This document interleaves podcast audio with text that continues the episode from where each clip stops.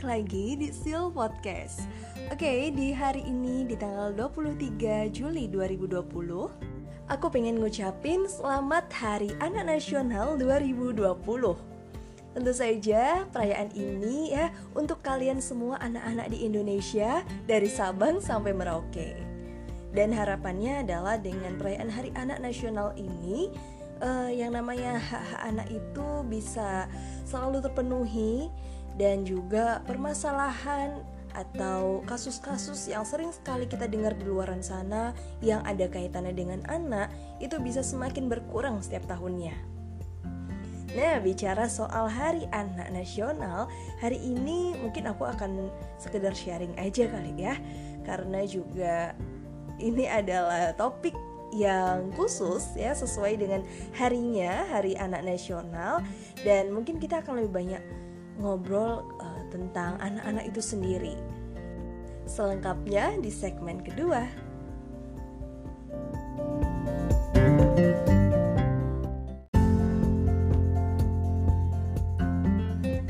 Oke, bicara soal hari anak, hmm, kata anak sendiri itu tuh selalu mengingatkanku sama semua aktivitas atau praktek yang selama beberapa bulan terakhir itu aku lakukan ya ketika menjalani tugas keprofesian.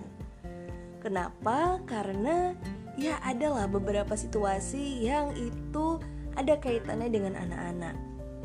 Sewaktu di rumah sakit khusus, sewaktu di puskesmas ya, yang namanya anak-anak tuh terlihat memang menggemaskan tapi di balik menggemaskannya itu ada sesuatu lah ya yang dimiliki oleh mereka. Sesuatu ini bukan berarti negatif, tapi juga hal-hal positif yang sebenarnya apa ya? Bisa dibilang usia anak-anak ini adalah usia yang rentan, yang rawan. Yang kalau misalnya hanya dianggap sebelah mata, itu bisa kecolongan Makanya banyak sekali sering kita lihat ya di ulasan-ulasan sosial media yang membahas tentang anak yang kemudian mengkaji tentang si anak yang terlihat baik-baik saja ternyata di dalamnya tidak baik-baik saja.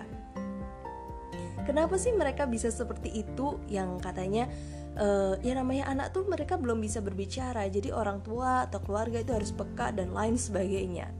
Ya wajar karena yang namanya seorang anak itu mereka masih berproses. Mereka itu cara belajarnya adalah dengan cara meniru, dengan cara melihat apa yang memang dia lihat di lingkungan. Dan ketika mereka mengalami suatu masalah gitu ya, ada perasaan takut untuk menyatakan atau untuk memberitahu orang yang ada di sekitarnya.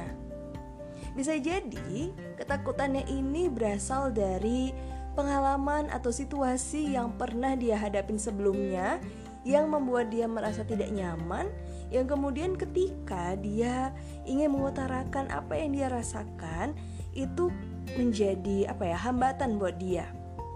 Makanya itu tadi ketika kita berbicara soal anak itu resikonya tuh sangat besar lah ya. E, faktor kerentanannya itu lebih besar ketika kita menghadapi orang dewasa. Tapi di sini kayaknya apa ya kurang menarik aja kalau misalnya kita cuma membahas tentang hal-hal yang negatif. Di sini mungkin aku akan lebih banyak membahas tentang sesuatu hal yang positif tentang seorang anak dan apa sih yang seharusnya kita lakukan ketika bersama anak gitu. Dan kalau misalnya berbicara tentang anak, ini bukan berarti antara orang tua dan anak saja gitu ya, tapi juga hmm ya suara anak-anak lewat. Oke, okay. kita lanjut lagi ya. Kalau misalnya berbicara tentang anak, itu bukan hanya tentang orang tua dan anaknya, tapi bisa juga antara ponakan dan juga om tantenya atau bude pakdenya, kemudian antar sepupu, antar saudara kandung ya, antara anak dan tetangganya dan lain sebagainya. Makanya ketika ada anak-anak di sekitar kita ya, tanggung jawab untuk memberikan hak mereka itu menjadi porsi untuk semua orang kalau menurutku gitu ya. Jadi bisa dibilang seperti ini. Contoh sederhananya kayak gini. Kalau misalnya kamu tahu ya uh, ponakanmu ini dididik dengan asuhan yang sudah cukup bagus lah untuk si anak ini. Ya kamu sebagai saudaranya, sebagai pamannya, tantenya, ya jangan uh, memberikan satu hal yang negatif buat dia. Kalau sekedar hanya untuk main-main yang itu tidak membahayakan dia, ya itu nggak masalah. Tapi kalau itu sampai uh, bertolak belakang dengan apa yang diajarkan oleh orang tuanya atau bertolak belakang dengan value orang tuanya, lebih baik jangan karena kadang hal itu juga bisa menyinggung perasaan orang tuanya. Seperti itu contoh sederhananya. Nah kalau tadi aku udah ceritakan kalau misalnya bicara tentang anak itu inget sama masa-masa waktu praktek ya Jadi kadang dulu waktu di puskesmas gitu ya sering banget kayak membantu kegiatan screening anak gitu jadi mereka yang usia-usia TK itu dilatih untuk uh, apa ya menjaga kebersihannya dia, menjaga kesehatan, kemudian melakukan pemeriksaan dan mengeksplor apa yang memang bisa mereka lakukan. Tapi di sini perlu aku perjelas dulu ya teman-teman. Kalau misalnya kita berbicara soal anak, anak ini nggak cuma yang masih kecil-kecil saja loh. Bukan cuma yang masih TK, yang masih SD, pokoknya yang terlihat menggemaskan. Jadi, yang namanya anak itu siapa aja sih? Oke, materi ini aku inget banget deh Pokoknya setiap kali di puskesmas ya Setiap kali mendapatkan uh, klien ibu hamil gitu ya Aku selalu mengulang-ulang materi ini untuk mereka. Jadi ini bisa dibilang materi yang wajib dan harus aku berikan sebagai pengantar buat mereka supaya yang namanya ibu hamil ya mereka itu kan nanti akan mempersiapkan eh, anak-anak uh, yang akan menjadi kebanggaan bangsa. Seperti itulah ya. Nah, di sini aku selalu mengatakan kepada mereka bahwa yang namanya anak itu adalah semua yang berusia di bawah 18 tahun, termasuk yang masih di dalam kandungan. Kenapa sih dikatakan seperti itu? Karena yang namanya anak-anak yang di usia masih di bawah 18 tahun, mereka itu belum matang baik secara fisik maupun juga secara mental. Makanya yang sering banget digencar-gencarkan itu adalah pemenuhan hak anak mulai dari pemenuhan hak akte kelahiran ya ketika mereka lahir, kemudian mendapatkan hak untuk diasuh oleh keluarga, kemudian mendapatkan penanaman nilai-nilai yang positif baik itu agama, kemudian juga nilai-nilai sosial ya. Lalu untuk yang masih bayi gitu ya, mereka mendapatkan hak untuk uh, memperoleh ASI, memperoleh gizi, imunisasi dan jaminan kesehatan.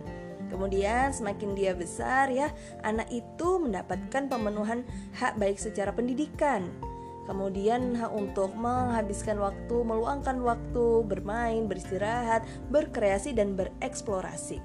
Nah, hal-hal seperti ini terlihat sederhana, tapi ini adalah hak yang memang sepatutnya dimiliki oleh seorang anak. Dan yang paling terakhir ya, yang ini juga sangat-sangat penting adalah anak itu mendapat hak perlindungan hukum secara khusus. Karena seperti yang kita tahu ya, di luar sana yang namanya kekerasan untuk anak itu ada ya dua jenis ya kalau nggak salah. Kekerasan fisik dan juga kekerasan atau kejahatan seksual. Makanya ini yang menjadi concern untuk beberapa pihak ya supaya yang namanya hak anak itu terpenuhi. Jadi buat kamu yang sekarang SMP, SMA yang terlihat katanya sudah remaja gitu ya, sudah uh, mau menuju dewasa, kalian itu masih disebut sebagai anak loh. Walaupun mungkin di sini kalian sudah mulai ngarah-ngarah ke arah dewasa, tapi kalian secara hukum masih disebut sebagai seorang anak seperti itu. Dan yang namanya ini ya, uh, aku mengutip dari buku Kesehatan Ibu dan Anak waktu di puskesmas dulu ya. Yang namanya perlindungan anak itu adalah segala hal atau segala kegiatan untuk menjamin dan melindungi anak dan hak-haknya agar dapat hidup, tumbuh, berkembang, dan berpartisipasi secara optimal sesuai dengan harkat dan martabat kemanusiaan, serta mendapat perlindungan dari kekerasan dan diskriminasi.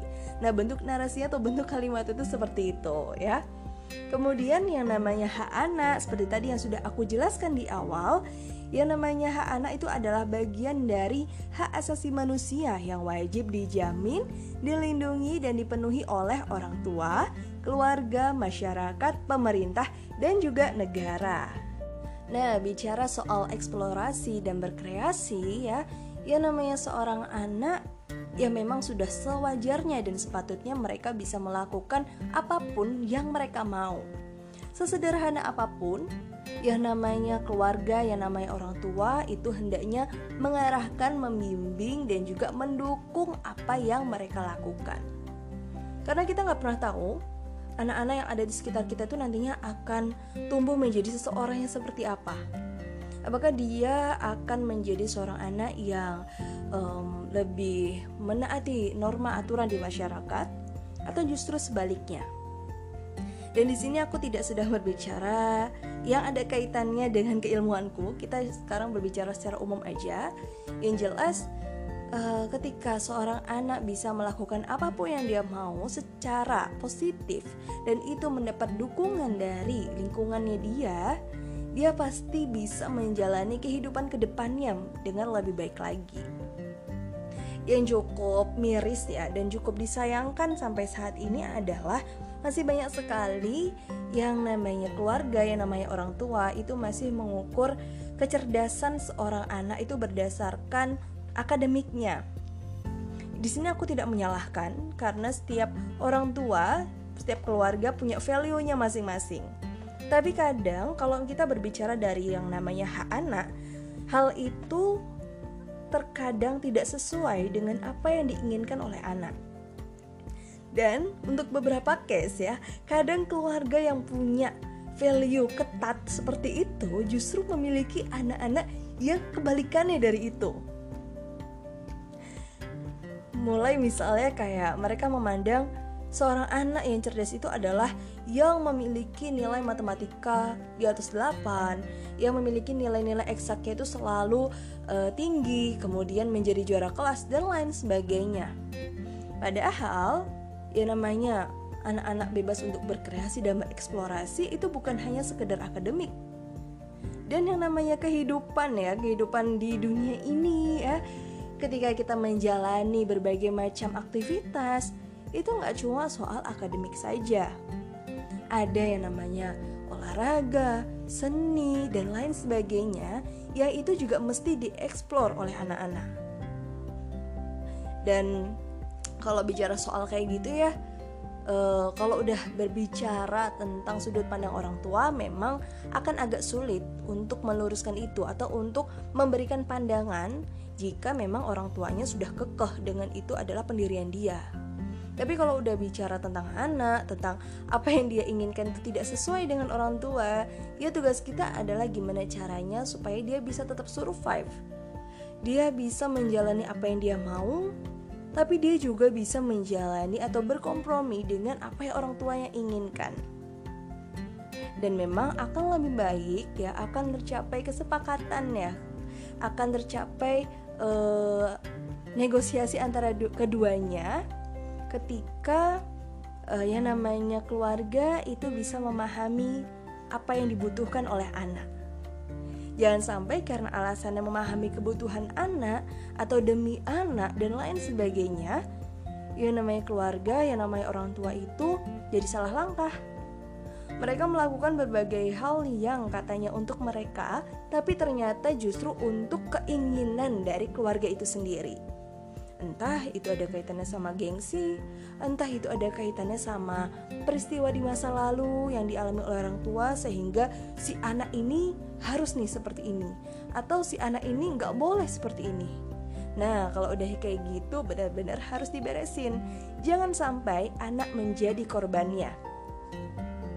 Karena balik lagi nih, ketika ada suatu hal yang tidak menyenangkan di dalam keluarga, anak itu pasti akan menjadi korban dan ketika anak sudah bermasalah atau anak memiliki masalah, keluarga itu pasti akan selalu terlibat.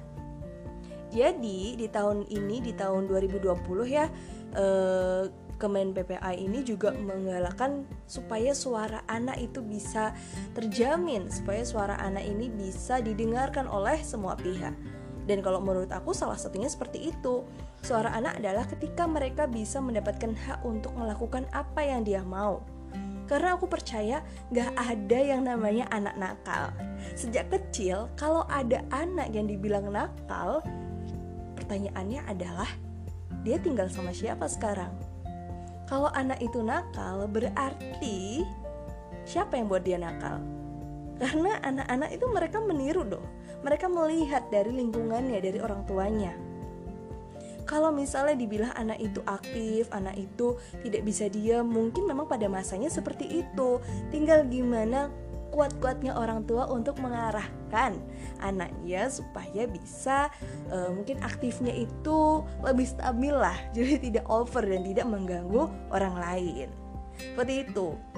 Dan satu lagi kata-kata itu adalah doa. Jadi kalau misalnya lagi berhadapan dengan anak kecil hati-hati dalam berkata karena apa yang kita ucapkan, apa yang kita lihat, apa yang kita perlihatkan dan apa yang kita lakukan di dekat dia itu akan lebih cepat rekam dan bisa jadi suatu saat dia akan meniru hal tersebut. Kurang lebih kayak gitu kalau misalnya kita berbicara tentang anak yang usia masih kecil dan untuk anak-anak yang sudah remaja, um, aku berharap semoga kalian tetap bisa menjadi diri kalian sendiri, tetap bisa melakukan apa pun yang kalian mau secara positif dan dengarkan orang-orang yang ada di sekitar kalian yang memang bisa membantu kalian untuk menemukan jati diri kalian ke arah yang lebih baik lagi. Oke deh, kayaknya itu aja deh untuk ulasan tentang Hari Anak Nasional 2020. Semoga apa yang aku sampaikan ini sedikitnya bisa bermanfaat buat teman-teman semua dan sampai jumpa di episode selanjutnya.